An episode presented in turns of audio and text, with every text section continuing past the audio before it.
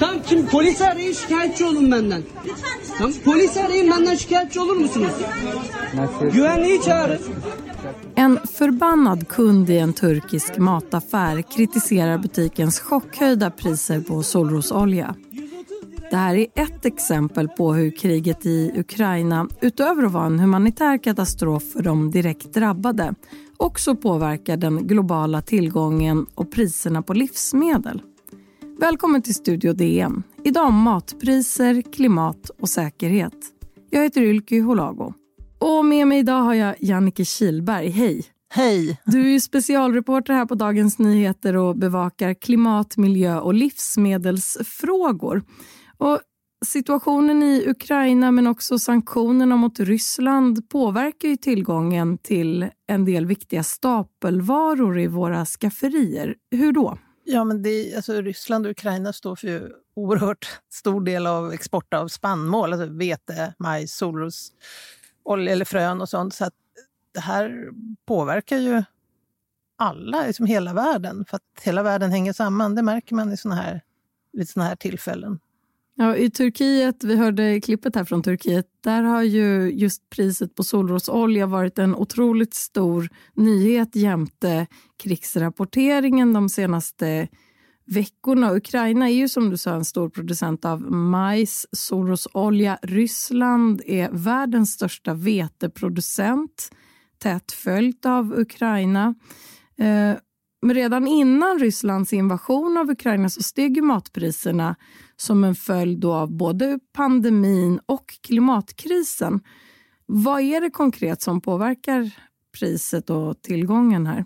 Det som påverkar priset är ju framförallt tillgången, som du säger. Det jag tror vi upplevde mest under coronan, det var ju... Det som var störst påverkan var säkert transporterna. där. Det blev såna störningar i, i de globala transporterna. Ni såg de här bilderna på fartyg som låg eh, förankrar, förankrade. Och nu är det till exempel containerbrist och sånt fortfarande efter coronas transporter och till viss del också arbetskraft, därför många var sjuka. Och livsmedelsindustrin är ju... Det har vi ju i Sverige till exempel. Vi har ju många från Ukraina som arbetar i skogen och på jordbruk och sånt. Så, att, så fort det blir globala störningar, då, då påverkas det. Och på vilket sätt påverkar klimatkrisen tillgången på livsmedel? Ja, det är ju egentligen det som är mer i vädret. Det, det stora är, om man tittar, det, det kan vara för mycket vatten, översvämningar, det kan vara för lite vatten. Det är torka, det är egentligen den stora saken. Och det som hände då lite förra året, var ju, eller under corona, var ju att det var stor torka i bland annat Kanada. Bränder och översvämningar i Kalifornien.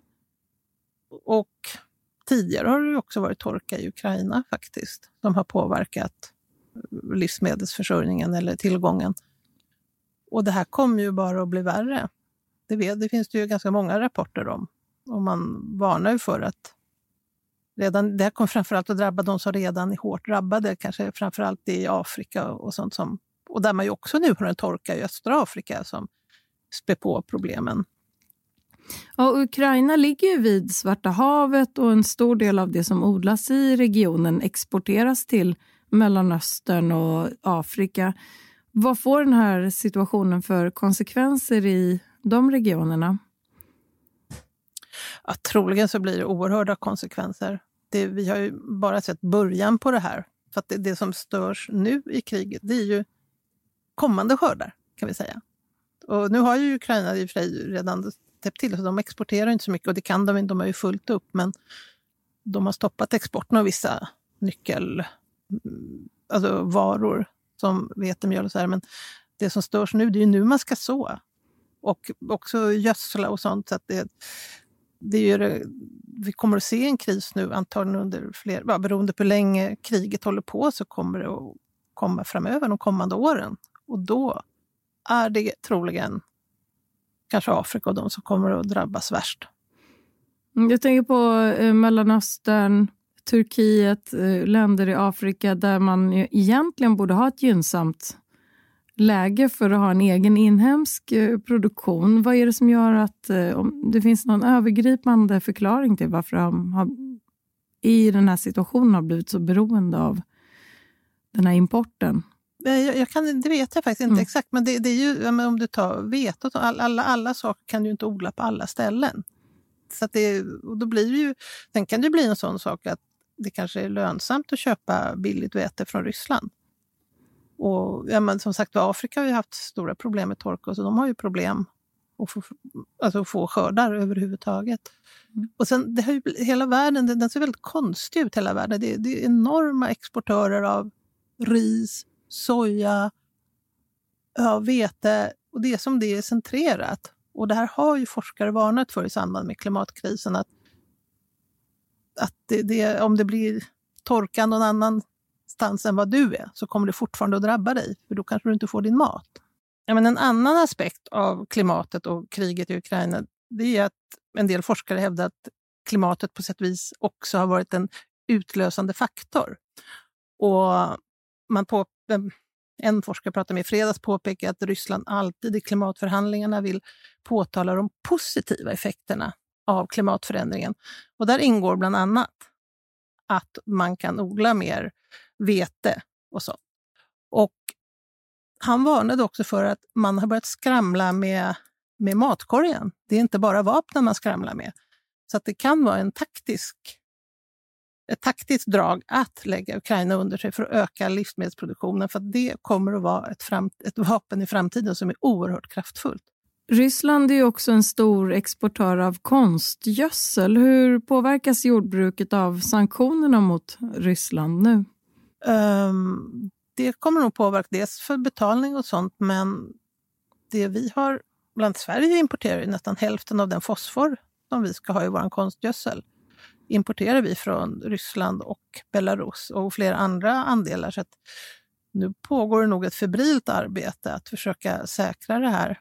Och också ganska mycket debatt om hur vi ska kunna ha en inhemsk produktion. För det här har ju livsmedlen och det här beroendet av fossila bränslen från Ryssland och beroendet av livsmedel har ju satt igång enorma säkerhetsdebatter. Både, det här, både energifrågan och livsmedelsfrågan är ju nu säkerhetsfrågor. Så det är, det är mycket diskussioner i Sverige, det är ännu större diskussioner i, ute i Europa för att säkra tillgången på gödsel. Man har också börjat bråka om att man ska upphäva vissa saker i den gröna given så att man ska få, få loss mera mark till att odla på. Och sådär. Vad är den gröna given? Förklara. Ah, det är EUs gröna giv, hur, hur EU ska nå sina klimatmål.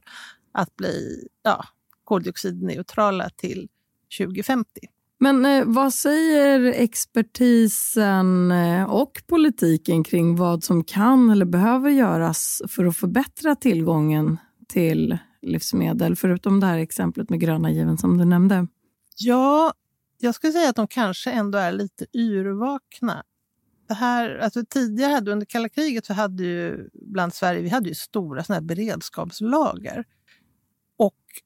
Då hade vi, alltså vi hade ju lager så att vi skulle klara både industrin och livsmedelsproduktionen under flera år om vi blev avstängda. Liksom. Men i och med att vi gick med i EU och alla ska börja hjälpa alla så har man ju avvecklat dem där. Så nu började man just under pandemin så blev det aktuellt igen, att när man, just när det började bli stillastående transporter och så här, men oj, vad händer här? Vi kanske inte får mat. Och så det, det, pågår ett arbete att eventuellt bygga upp beredskapslagren ännu. Men än så länge är det bara prat och nu är det aktuellt igen. Um, samma sak i Europa, att man vill titta på... Det ska vara ett möte här med jordbruksministrarna om ett par veckor. Man ska titta på hur ska vi bli mer självförsörjande helt enkelt. Och då gäller det både energin och livsmedlen. Och de här hänger ju väldigt tajt ihop. Det ska man inte heller glömma du kan inte göra livsmedel utan drivmedel. Det går ut väldigt mycket diesel och sånt för att producera mat. Och diesel fanns också i de gamla beredskapslagren jämte livsmedel, eller hur? Ja, exakt. Och det är det man inte tänker på. Man tror att de typ står massa mjöl och paket och sånt där. Liksom. Men det var ju diesel, smörjolja, allting som behövs för, för att liksom driva ett samhälle. Enligt Statistiska centralbyrån så ökade livsmedelspriserna på bred front här under februari och det påverkar också inflationen som är den högsta sedan december 1993. Och det här märks ju förstås i våra plånböcker här i Sverige. Eh, vad kan vi som vanliga konsumenter tänka på kring vår matkonsumtion när priserna och världsläget ser ut som det gör? Ja, äta mindre höll jag på att säga, men det kan man ju inte bara göra. Men, men jag tror en viktig fråga som är viktig både för klimatet och i sådana här lägen, det är att man kanske planerar mer. Och en av de största frågorna är att vi har ett väldigt stort matsvinn faktiskt i Sverige. Så att var rädd om maten, värdesätt livsmedel. Att vi har nog haft en tendens att det har nästan kanske varit lite för billigt med mat, så att vi har varit rätt slösaktiga. Jag tror vi kan klara oss väldigt bra om vi hushållar lite mer. Sen är det såklart, det finns ju för hushåll som har redan lev, har väldigt svårt och där får man väl se om möjligtvis regeringen kan göra någonting och öka bidrag. Ja, det, det, vet jag inte, men för många så kan vi vinna mycket genom att bara minska vårt matsvinn. Tack så mycket Jannike Kihlberg, specialreporter på Dagens Nyheter och du bevakar klimat, miljö och livsmedelsfrågor. Tack! Om du vill kontakta oss så går det bra att mejla till studiodn dn.se. Och kom ihåg att prenumerera på Studio DN där du lyssnar på poddar så missar du inga avsnitt. Studio DN görs för Podplay av producent Palmira Kokarimenga, ljudtekniker Patrik Miesenberger, teknik Oliver Bergman på Bauer Media och jag heter Ylke Holago.